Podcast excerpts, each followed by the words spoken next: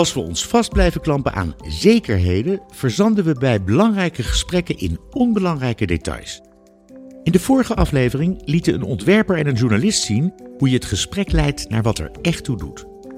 Als we daar eenmaal achter zijn, kunnen we een schets maken van onze ideale toekomstige samenleving. Mijn naam is Michael Schaap. Welkom bij Onzekere Zaken.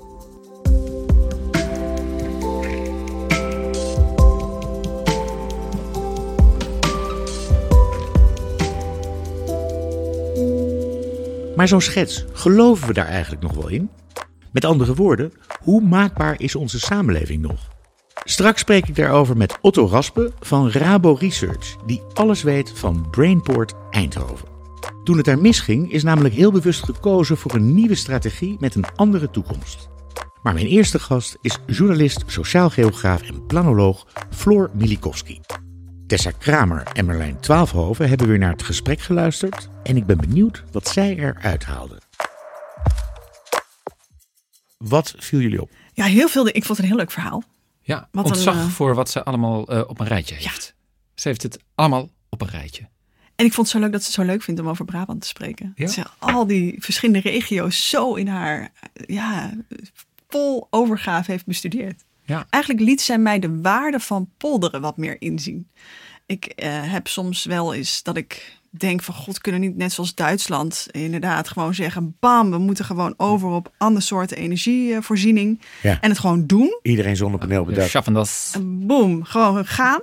Ehm, dat, dat is niet de Nederlandse cultuur. En wat ik daar interessant aan vind, is op het moment dat je daar ook een wat groter zelfbewustzijn in hebt. Van hey, hoe, eh, hoe doen wij dat nou eigenlijk ook in de besluitvorming, in wie daar gekend moeten worden. Dan kun je eigenlijk ook veel beter daarmee aan het werk. Dus zij pleit ook heel erg voor visie. Laten we nou eens echt met elkaar ehm, samen eh, die visie vormen. Waar, waar hebben we het nou eigenlijk over? Ja, de, de kennis die bij ambtenaren zit. Eh, meer nog dan bij bestuurders.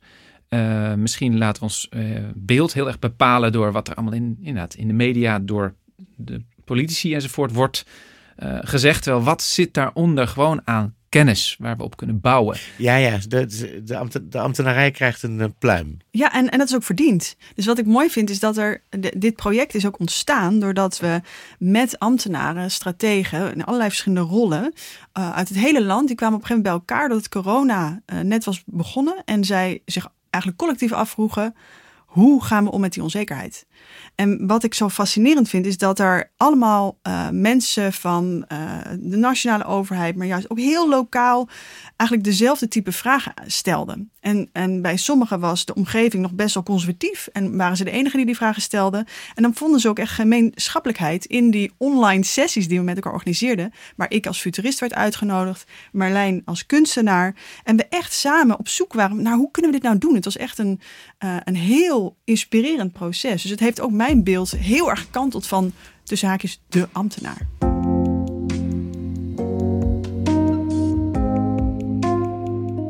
Mevrouw Milikowski, Ja, u komt dus uit Amsterdam, hè? dat klopt. Ja. En u zei ook dat u zich daar het meeste thuis voelt. Ja, En u behoort ook nog tot de culturele elite, ook dat nog. als ik zo vrij mag zijn.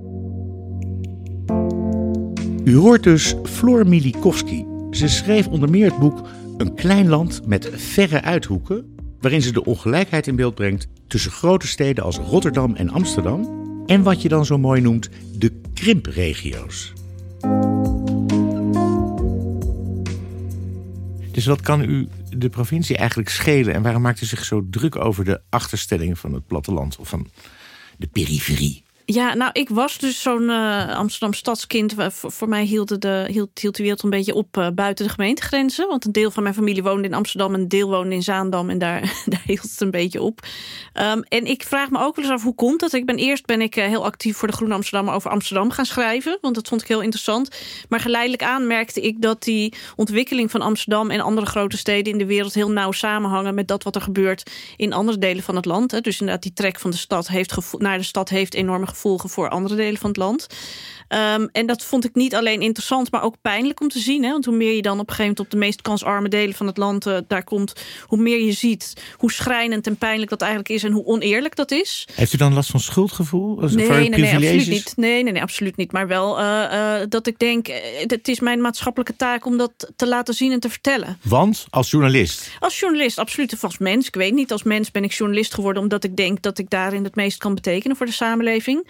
Maar ik vind dat dat, dat, dat verhaal van uh, vooral echt de meest kansarme delen van het land die in de steek gelaten zijn, echt hè. Ik vind dat dat verhaal te lang, te weinig verteld is, te weinig gehoord is, te weinig erkend is. En ik voelde daarin wel een soort van uh, nou, missiedrang om dat te agenderen. Maar het is ook uw hang-up, neem ik aan, omdat u oorspronkelijk sociaal geograaf bent. Of, ja, ja, dus ik vind dat. En, maar misschien ben ik, ik ben ook sociale geografie gaan studeren, omdat ik uh, dat soort onderwerpen heel interessant vind. En planologie. Ik ben eerst planologie gaan studeren. En toen vond ik heel interessant, maar na twee jaar. Het gaat heel erg over stenen en geld, hè, planologie. En, en over maakbaarheid, want daar gaan we het volgens mij vandaag ook over hebben. Um, vond ik heel interessant, maar na twee jaar wilde ik ook iets meer aandacht voor de menselijke kant. Voor, voor de mensen. Hoe dan die mensen in relatie tot die stenen en tot dat geld. Toen ben ik sociale geografie gaan doen. Ik heb het allebei officieel mijn diploma staan, dus dat is alleen maar luxe. Um, en ik, ik, ik heb, al, ben altijd gefascineerd geweest door steden, landen, ontwikkelingen door de jaren en de, en de decennia heen. Um, en dat komt misschien ook als je opgroeit in, in Amsterdam in de jaren tachtig van verval en teloorgang en, en, en leegloop en leegstand.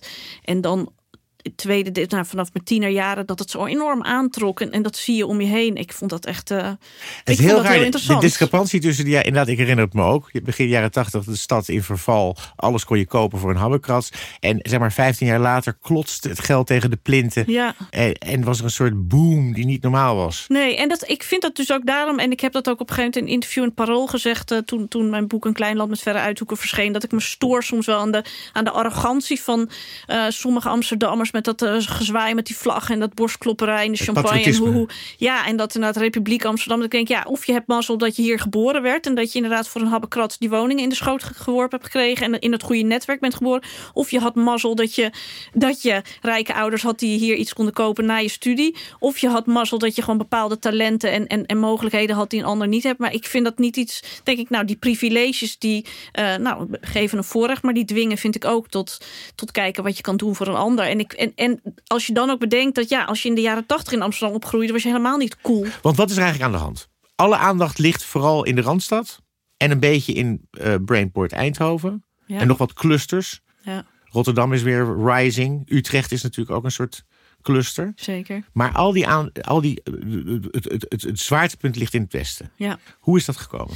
Nou, dat komt omdat we in de, in de periode na de Tweede Wereldoorlog is er heel bewust beleid gevoerd om uh, nou, heel egalitair politiek uh, economisch beleid gevoerd. Om te zorgen dat alle regio's in het land konden floreren en dat alle mensen in het land gelijke kansen hadden. En er is dus heel bewust geïnvesteerd in de meest kansarme delen van het land om daar de boel uh, op te tuigen. Vanuit de gedachte?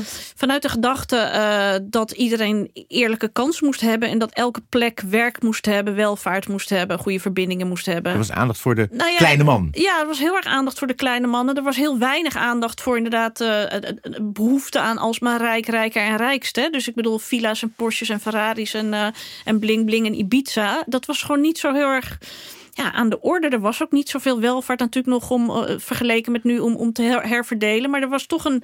Ja, het is nu gek om te voor te stellen, maar er was inderdaad de consensus van we moeten het toch samen doen. En als er inderdaad mensen niet heel diep uh, wegzakken en wegvallen, dan, dan, dan hebben we het goed voor elkaar. Maar goed, uh, allengs in de loop van de jaren zestig uh, stort de, langzaam stortte de industrie in. Ik bedoel, ik weet nog in Oost-Nederland dat je die, uh, de, de, niet katoenindustrie, weet het, de kledingindustrie, Terlenka en zo. Ik, ik, ja. ik, probeer het even voor de geest te halen. Daar verdwenen gewoon in één klap en de mijnen gingen, ik noem maar wat, heel veel grote industrieën, vervuilende industrieën, eigenlijk gewoon het industriële tijdperk kwam op zijn einde. Kwam in, in, in heel West-Europa, in de hele westerse wereld op zijn einde. Omdat wij fabrieken gingen verplaatsen naar lage lonenlanden. We hadden een globaliserende wereld ineens. Dus uh, bedrijven kozen ervoor om inderdaad die fabrieken niet meer in, in, in Twente of Amsterdam of, of Brabant neer te zetten. Maar inderdaad in uh, Oost-Europa in eerste instantie veel. Later is het natuurlijk nog veel verder gegaan naar Zuidoost-Azië. Uh, veel fabrieken. Um, ja, dat was kostenbesparing. En dat, dat was natuurlijk enorme gaten heeft dat geslagen overal in het land. Hè. Ik bedoel, in de regio, maar ook in de de steden. De, de, werven en de fabrieken in, de, in, in Amsterdam. En uh, de haven van Rotterdam, die natuurlijk ook enorm onderleed. Kan je zeggen dat toen echt de, de, de ellende begon voor het achterland? Ja, ja, dat is nog steeds. Je ziet heel veel regio's die daar nog steeds van aan het herstellen zijn. En, en nu daar een beetje aan het opkrabbelen zijn. Zuid-Limburg begint nu echt een beetje nieuwe handvatten te vinden om, om uh, nieuwe economische toekomst uh, ja, echt vorm te geven. Stad als Heerlen bijvoorbeeld. Ja, een stad als Heerlen, Sittard Geleen, hè, waar echt die mijnbouw... En dat, je kan je het niet voorstellen, maar Zuid-Limburg was na de oorlog... een van de meest florerende streken van Nederland. Hè, waar de eerste grote warenhuizen, waar vrouwen met bontjassen over straat uh, flaneerden, waar de chique winkelstraten waren. Ja. Terwijl Amsterdam in die periode een hele andere uh, fase doormaakte, bij wijze van. Dus dat was echt enorme welvaart. En het wegvallen van die mijnen is zo'n grote klap geweest. En toen is er een tijdje nog, nou, dat, dat zie je overal. De textielindustrie heb je het al, leerindustrie, allerlei. Verschillende soorten industrie verdeeld over het land. De zoutwinning in, in Groningen ook. Um, het, het wegvallen daarvan heeft tot enorme uh, ja, een enorme welvaartsdaling, enorm gebrek aan perspectief geleid. En er is vanuit het Rijk toen een tijdje wel geprobeerd om daar, weet je, met het, het spreiden van rijksdiensten bijvoorbeeld. Hè, toen zijn het CBS, dat ging naar Heerlen. Ja, en, precies. En de PTT ging naar Groningen. En er gingen allemaal andere diensten werden over het land verspreid. Vond ik toen al een vaag idee. Als je dan een kantoorkolos ergens anders zet, dat, dat dat dan enorm een aanzuigende werking zou hebben. Nou ja, dat is dus maakbaarheidsdenken. Dat is echt het idee van als wij maar een kantoor neerzetten, dan komt het daar goed.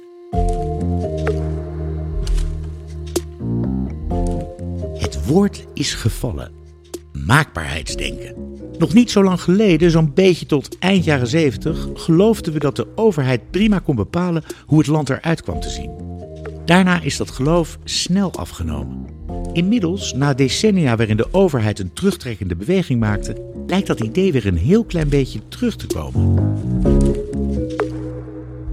Ik, ik, zie de charme en ik, uh, ik geloof ook wel dat iets meer maakbaarheidsdenken weer mag, omdat we het helemaal hebben losgelaten. Hè. We zijn helemaal op een gegeven moment overgegaan naar elk individu moet het maar met zichzelf uh, zien te rooien. Daar wilde ik ook even weer wat langer bij stilstaan. Want we zien op een gegeven moment een kentering. Uh, dus eerst, we zien op een gegeven moment we zien dat mensen eerst uit de stad trekken. Dat zien we trouwens nu weer. Interessant. Ja, heel interessant. Uh, 30, 40 jaar later. Maar laten we even teruggaan in de tijd. We zien dat in de jaren 70 mensen vertrekken uh, naar die buitensteden. Uh, je krijgt een soort verloedering. En dan krijg je een nieuwe wederopleving. En die gaat lijkbaar, blijk, lijkt synchroon te gaan met een nieuwe soort politiek. Ja. Een soort neoliberale politiek. Klopt dat? Ja, dat, het gelijk zeker. opgaat. Ja. Want u, u constateert geloof ik dat uh, er is een kentering gekomen. En u, u, u koppelt dat eventjes aan, in een interview zag ik ergens aan een uitspraak van een, uh, van een CDA of iemand tegen... Shell CEO, ja, ja. Die zei tegen het CDA, wat zei die ook alweer? Hij zei don't back the losers, but pick the winners. Juist. Ja. Dus alle ballen op de winnaars. Ja. In dit geval in casu de Randstad.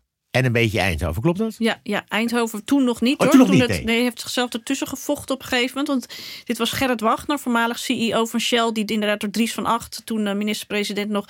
werd gevraagd om een commissie voor te zitten... die moest gaan nadenken over de economische toekomst van Nederland. Hè. Dus in de jaren zeventig ging het super slecht met de Nederlandse economie.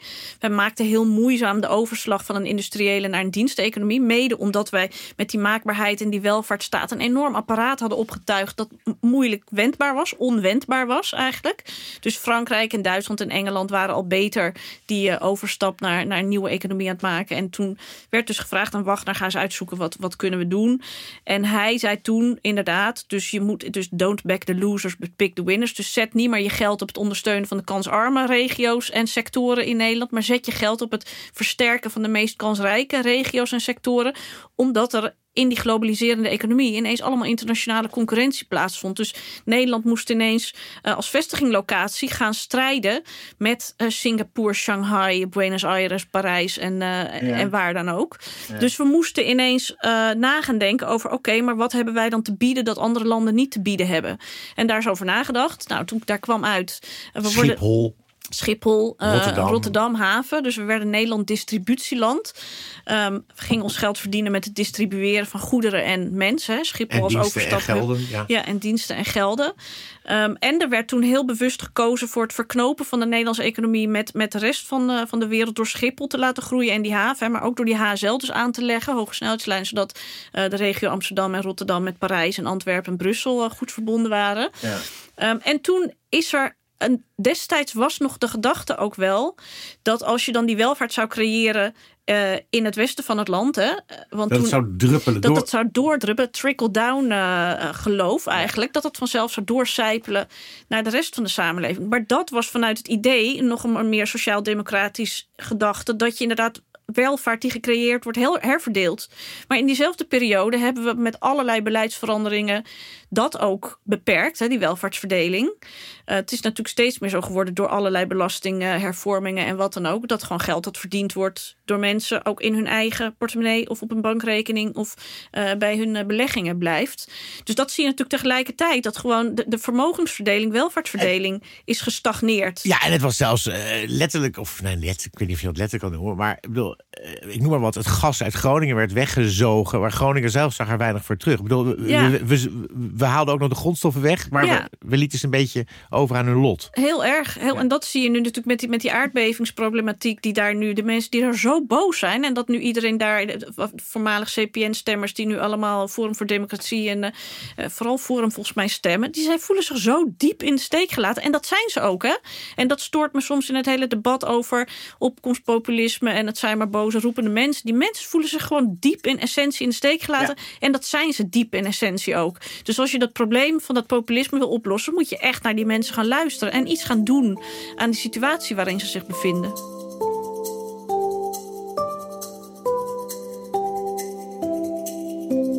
Brabant is heel groot, hè? En het is daarom ook lastig. Kijk, als je het over Groningen hebt, dan heb je het heel duidelijk over die provincie met die grote stad en een paar kleinere worstelende dat arme steden. Noordoost-Groningen, dat strookkarton. Ja, sorry, dat zijn mijn. en dat prachtige uitgestrekte platteland met een heel duidelijke opbouw. Hè. In Friesland zie je duidelijk een aantal stadjes en, en die gemeen, gemeenschapsdorpjes en zo.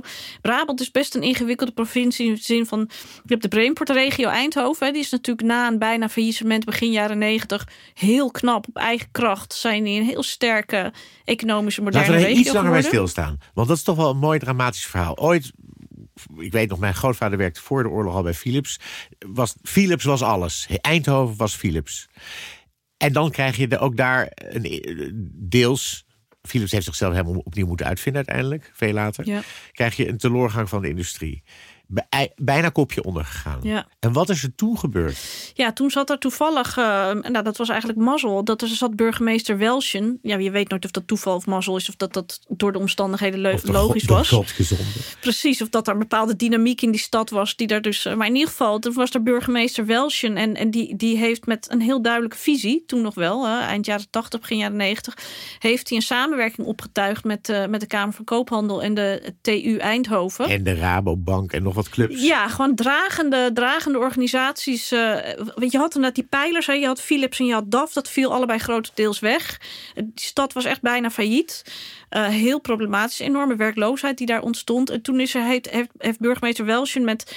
Uh, die zag dat er een nieuw type economie aankwam. Namelijk niet een economie die gedragen werd door grote pijlers, maar dat er een netwerk, soort van netwerkeconomische, nou, netwerkeconomieën ging ontstaan, waarin inderdaad er niet meer van die grote dragers, maar waar, waarin verschillende bedrijven en kennisinstellingen uh, met elkaar tot een soort van dynamiek, uh, een soort van dynamiek creëerden, op basis waarvan weer van alles nieuws ontstond. En hij is daar heel knap in geslaagd, inderdaad, en, en de bestaande bedrijven die er waren aan elkaar te koppelen. En dat wat er nog van Philips over was, weer tot bloei toch te brengen. En een designacademie design binnen te, te, slepen. Hij voelde feilloos aan wat die nieuwe tijd met die creatieve kenniseconomie, wat die behoefte. Maar wat hij ook heel knap deed, was.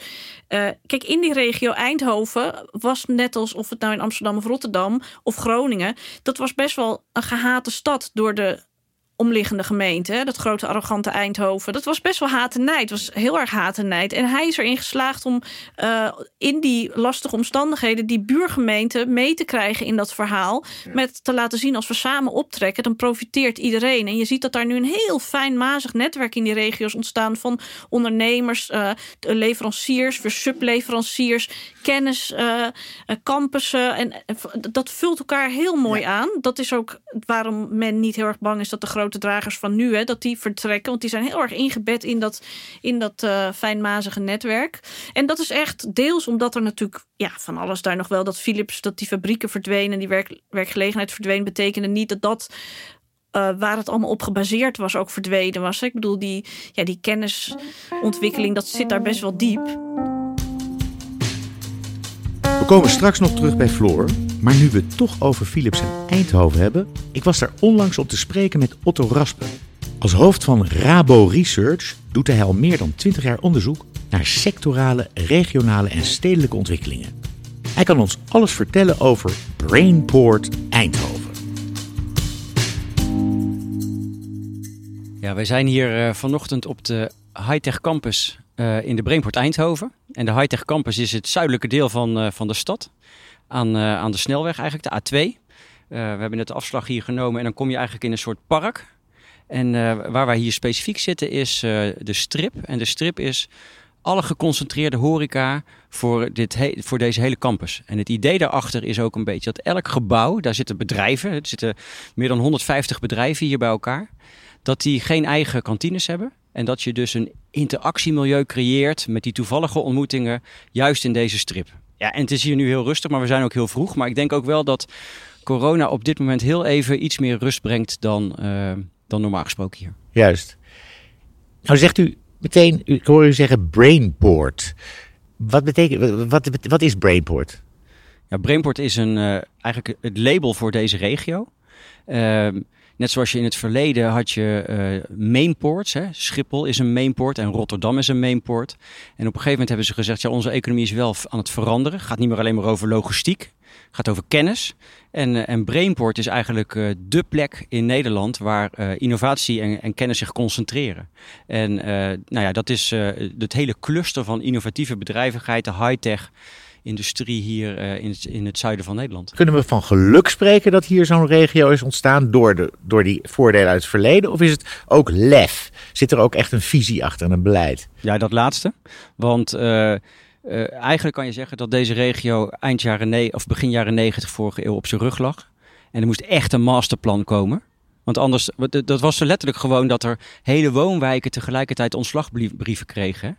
Want uh, Philips was zo dominant en had dus ook die impact. En toen is eigenlijk wel een masterplan verzonnen. En toen is eigenlijk dat Brainport concept geboren. Door wie? Is dat nou, er kwamen een aantal mensen bij elkaar. Uh, dus je zou, dus, dus uh, er is op een gegeven moment verzonnen uh, vanuit de burgemeester, de, de, de voorzitter van de Raad van Bestuur van de Technische Universiteit, de Kamer van Koophandel. En die zijn eigenlijk met elkaar bij elkaar gaan komen en zeggen van ja, maar wij moeten eigenlijk nu ons zo opnieuw uitvinden dat wij echt toekomstbestendig hier kunnen doorontwikkelen. En dat doen wij alleen maar door te luisteren naar de bedrijven. Dus ze zijn eigenlijk ronde tafelgesprekken gaan organiseren. Heel veel met bedrijven in deze regio en het oostelijk deel van Brabant, zuidoostelijk deel van Brabant. En toen hebben ze eigenlijk gezegd van ja, wij gaan uh, een, een, masterplan maken, een strategie. En daar gaan we gelden op creëren uh, die ook voor de, vanuit de provincie komen en uit Brussel komen. En toen is eigenlijk een beetje dat, uh, dat nieuwe idee ons, ontspro ontsproten. Maar wie had nou de regie, denk je? Was dat de burgemeester? Nee, toch? Of, ja, nou, begin met de burgemeester, zeg de maar. De burgemeester had hier echt een leidende rol. Destijds was het Rijn Welsje. Uh, later was het Rob van Gijzel en nu is het John Jorritsma. En je ziet eigenlijk dat uh, we hadden het, is het geluk of lef. Het is ook lef, maar het is ook dus leiderschap. En, en eh, Eindhoven heeft eigenlijk met, met die drie burgemeesters altijd hele uh, sturende personen gekend. Die eigenlijk het verschil hebben gemaakt, ook door bedrijven mee te nemen. Want het succes zit hem dus niet in één persoon. En we zeggen met een duur woord, de triple helix is hier het succes. Leg even uit, de triple helix. De overheid, ja. die burgemeester uh, bedrijfsleven en de kennisinstellingen samen. Die vonden elkaar destijds en nu nog steeds. En die maken jaarlijks echt die plannen. Overheid, wetenschap, bedrijfsleven. Ja.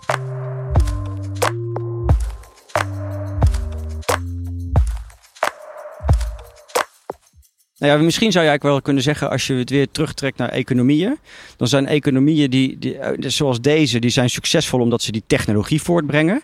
Maar tegelijkertijd is, uh, is storytelling veel belangrijker geworden. Hè? Je moet je, je verhaal goed verpakken, je moet goede redeneringen kunnen opzetten en die, en die moeten moeten hout snijden en niet uh, dat mensen er makkelijk doorheen prikken. Een geloofwaardig narratief. Ja, uh, ja, en die narratieven, die moet je beschrijven, die moet je neerzetten. Daar is communicatie eigenlijk uh, uh, super belangrijk. Dus je zou eigenlijk kunnen zeggen, als jij straks ook via je opleiding niet ook denkt in dat soort storytelling en, en, en hoe, je die, hoe, hoe je dat formuleert en hoe je, je, hoe je je werk wat je doet ook voor het voetlicht brengt bij anderen en hoe je erover communiceert, dan ben je wel eigenlijk, uh, loop je een beetje mank denk ik in die toekomstige economie. Dus dat verleiden dat helpt zeker. En, en je ziet dus ook, en, en daarom is bij zo'n spreken ook city marketing weer zo belangrijk, dat het deel van het succes van deze Brainport heeft uh, te maken met hoe ze op de kaart zijn gezet.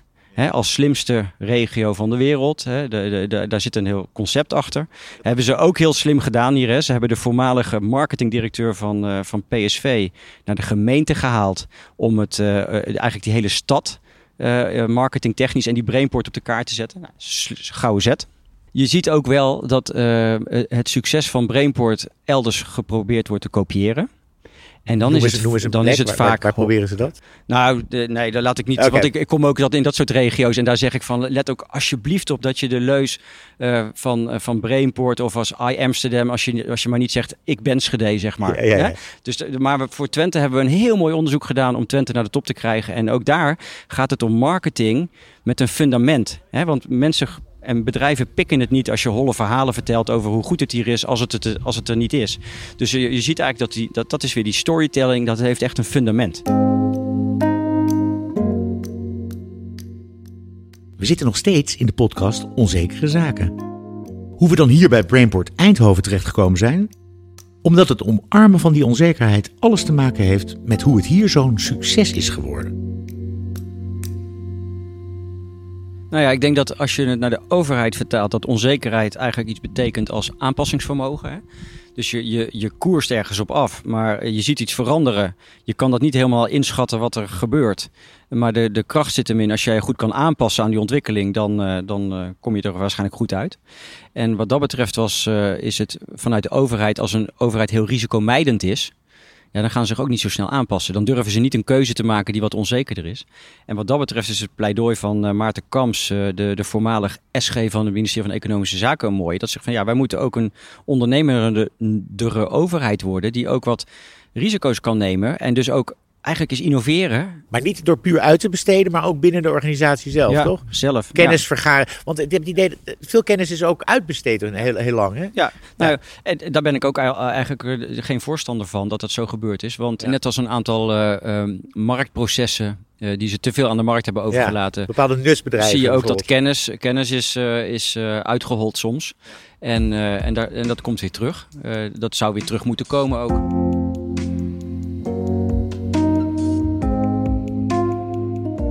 Van Brainport Eindhoven, waar een nieuwe visie de boel uit het slop heeft getrokken en tot een bloeiende regio heeft gemaakt, zoomen we weer uit naar Nederland met Floor Milikowski. Want het geloof dat we zelf in ieder geval mede kunnen bepalen hoe onze toekomst eruit ziet, een visie om het beestje maar bij de naam te noemen, waar is dat eigenlijk gebleven? Nee, overal natuurlijk is dat weinig. Hè? Ik bedoel, we kunnen de, vorige, de, de presidenten in, in, in, in, of nou de Verenigde Staten of de landen om ons heen is. Er zijn natuurlijk weinig visionaire mensen geweest, omdat er een soort van pragmatisme, pragmatisme heerste van makkelijk geld verdienen en met z'n allen volle kracht vooruit.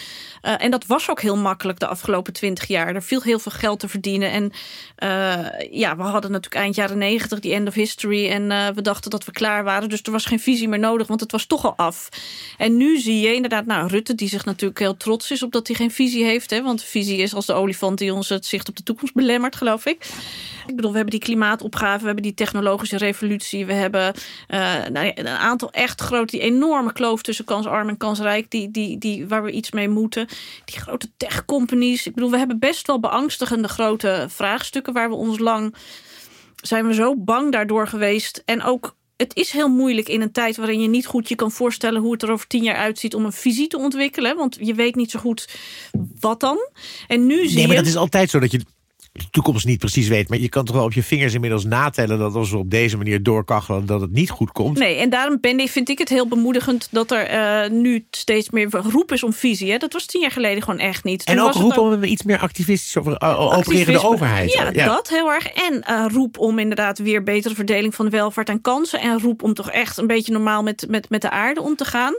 En, en daarin... Nou, houdt u maar een pleidooi dan. Want de, de, heel groot, de, de, ambtelijk Nederland luistert ook mee nu. Nou, en ik heb heel veel vertrouwen in ambtelijk Nederland. En dat is, uh, daarom is het zo leuk dat ze nu allemaal, allemaal luisteren. Ik ben een jaar of tien, vijftien tien geleden begonnen met schrijven over ontwikkelingen in stad en land. En ik schreef voor de Groene Amsterdammer al over die problemen die dat succes van Amsterdam met zich meebracht. Ik schreef toen al over die problemen in de regio. Hè. En er was toen, of het nou ambtenaren in Amsterdam waren of in uh, Den Haag of in Brabant, bij wijze van spreken, daar heerste toch een sfeer van ja, maar ja, het is nou eenmaal zoals het is. Dus ja, dat kunnen we toch niet veranderen. Um, en een beetje ja, cynisch, apathisch gevoel van ja, nou wat kan je eraan doen? En als ik nu gesprekken heb met ambtenaren overal in de landen. Wat ik best veel heb. En ook met politici en bestuurders. Dan merk je een enorme, ten eerste bewustzijn dat er dingen. Elan. Echt nieuw elan. En dat is deels bij jongere generaties ambtenaren, maar ook echt bij, bij, bij oudere ambtenaren. Een bewustzijn ten eerste dat er inderdaad dingen zijn die echt anders moeten. En ten tweede weer het gevoel van oké, maar daar kunnen wij ook zelf iets aan doen. Niet meer het gevoel van er zijn machtige mechanismen waar je als individu of als organisatie geen rol in speelt. Maar weer het gevoel van als wij dingen anders gaan doen, dan leidt dat ook tot andere situaties. En um, ik heb steeds meer dat ik me ook bewust ben van dat juist dat ambtenarenapparaat dat is zo sturend in Nederland. Dat is zo machtig. En soms denk je wel eens, is dat goed hè? Eh, maar aan de andere kant zie je wel dat dat polderen zit heel diep in ons. En dat met elkaar in gesprek gaan over hoe gaan we de toekomst op een andere manier vormgeven. Dat, dat is nu heel al jaren gaande. En daar komt wel degelijk ook echt ander beleid en andere ideeën uit voort. Daar valt weer zo'n woord polderen. Het idee bestaat dat onze eeuwige overlegcultuur in de weg staat van goed beleid met een duidelijke visie. Mevrouw Milikowski pleit daarom voor een nieuw soort polderen. Een vorm die je misschien wel typisch Nederlands zou kunnen noemen. Polderen met het idee dat we iets moeten veranderen. En dat was. Weet je, in Duitsland hebben ze die energiewende gehad. Hè? Daar hebben ze op een gegeven moment een jaar of tien geleden gewoon gezegd: we gaan over op duurzame energie. Ja. Punt. Vanuit, groots op ingezet. Groots op ingezet. Onwijs investeringen in. Overal in Duitsland, als je door Noord-Rijn-Westfalen rijdt, iedereen heeft zonnepanelen op zijn dak. Echt iedereen. Precies. Dus dat is van bovenaf is dat gewoon bedacht. We gaan die energiewende doen, we gaan het organiseren. Nederland liep daar onwijs bij achteren. Maar, nu, waarom nou? Hoe ja, kan omdat dat nou? wij dus polderen. Omdat wij, als het vanuit bovenaf wordt gezegd... we gaan nu dat doen, dan gaat iedereen stijgeren in de straat... en zegt, zoek het lekker zelf uit. Dit is mijn dorp. Of dit Geen is mijn, witmolen in mijn achtertuin. Geen witmolen in mijn achtertuin. Dat is een heel andere cultuur. Het is hetzelfde als als een Nederlandse voetballer... bij een Duitse club komt en die denkt... dat ik moet toch altijd eventjes zo cool zeggen dat ik een mening heb... en dat de trainer denkt, ik weet niet, uh, we zijn hier in Duitsland... het gaat hier even iets anders. We hebben dus inderdaad veel meer die cultuur van met elkaar... de samenleving bedenkt wat hij wil... Um, en daar komt politieke besluitvorming uit voort via dat ambtenarenapparaat. En je ziet nu dat inderdaad, of het nou is met die dat hele uh, energiecoöperaties, die inderdaad dus op allemaal dorps- of regioniveau uh, duurzame energie opwekken. En daar zie je weer netwerkjes in ontstaan. En je ziet dus dat er heel erg. Nou ja, dus dat polder, dat is voor mij niet inderdaad de, de, de CNV en de FNV en de VNO-NCW en, en het ministerie het die met elkaar bedenken. Het sociaal middenveld, heet het ook weer? Ja, maar dat is nu op veel individueler en kleinschalige niveau. Dus het zijn niet meer de grote vertegenwoordigers die met elkaar praten over hoe het verder moet. Maar het zijn echt ambtenaren, gemeenschappen, uh, ondernemers. Deels bottom-up ook. Echt deels bottom-up, dat met elkaar in gesprek gaat. En dat zie je echt. Ik vind het serieus. Ik had nooit zoveel met het polderen. Maar als ik nu zie die gesprekken die geleidelijk aan jaar na jaar steeds constructiever en hoopvoller en optimistischer worden. En concreter en, en, en realiseerbaarder. Dan is dat dus toch een gesprek dat wij als samenleving met elkaar in al die verschillende hoedanigheden aangaan. En dat dus toch leidt tot een energiewende, maar dan uh, op een totaal andere manier. Namelijk gedragen door de samenleving, bottom-up. Anders dan Duitsland, langzamer, maar misschien dus wel, ja, nou, in ieder geval typisch Nederlandse vorm daarvan. Misschien helpt het om een beetje chauvinistisch over typisch Nederlandse maakbaarheid te spreken. Bottom-up beslissen, brainstormend bepalen, pittig polderen, flexibel visies vormen. Oké, ik draai wat door. Terug naar de studio met Tessa Kramer. Ik uh, proefde zelf ook heel erg in haar verhaal iets wat we ook in de gids beschrijven, uh, onzekere zakengids. Uh, want daar zijn we ook heel erg bezig met heel concrete tools. Van hoe, kan je nou dat uh, onzekerheid, hoe kan je dat navigeren, maar ook toekomstdenken. De kunstenaarsmindset nemen we er allemaal in mee. En in onze outro schrijven we ook van ja, je kan het in je eentje doen, maar in de kern gaat het ook echt om het hervormen van die organisaties. Dus de ambtenaren die ik ook tegenkwam, sommigen die zaten echt al best wel vast, waren echt uh, voorlopers in een groep waarin ze best hard moesten werken om iedereen mee te krijgen. Dus daar zit ook echt een groot, grote opgave om die uh, ja, bestuurscultuur, ik weet niet precies hoe ik hem moet noemen, ik gebruik vast niet de goede woorden, maar dat die organisaties uh, op al de, alle niveaus echt um, adaptiever worden, flexibeler. Uh, die ambtenaren, nou, dat, dat, is ook iets wat Otto Rasp ook wel heel erg beschrijft. Dat de ambtenaren ook eigenlijk ondernemend zijn en ook in zekere zin flexibele rollen zouden kunnen aannemen. Uh, om uh, echt de thema's die belangrijk zijn, daadwerkelijk ook te kunnen tackelen. Maakbaarheid raakt in en uit de mode. Het geloof dat er meerdere toekomsten bestaan en dat we daar wel degelijk invloed op hebben, lijkt in ieder geval weer wat aan terrein te winnen. Misschien wel juist door het besef dat onzekerheid een gegeven is dat je niet kunt vermijden. Je luisterde naar Onzekere Zaken. Deze podcast wordt geproduceerd door Brabant Kennis, directie Kiem van het ministerie van Binnenlandse Zaken en Koninkrijksrelaties en Fontis Hogescholen. De eindredactie is in handen van Thomas Hogeling. Muziek en montage Ricky Bartels. Tessa Kramer en Marlijn Twaalfhoven gidsten ons door onzekere zaken. En mijn naam is Michael Schaap. Speciale dank aan Floor Milikowski en Otto Raspe. Bij deze podcast hoort ook een gids waarmee je zelf aan de slag kan met onzekerheidsvaardigheden. En die gids kun je dan weer bestellen op onzekerezaken.nl. De website waar je alles kunt vinden over deze verkenning. Dit was voorlopig de laatste aflevering van deze podcast in deze vorm. Zeker is dat er nog een aflevering komt met een stevige nabeschouwing. Wanneer precies is nog onzeker en ik vraag u die onzekerheid te omarmen. Dus blijf geabonneerd, er komt nog meer. Tot dan.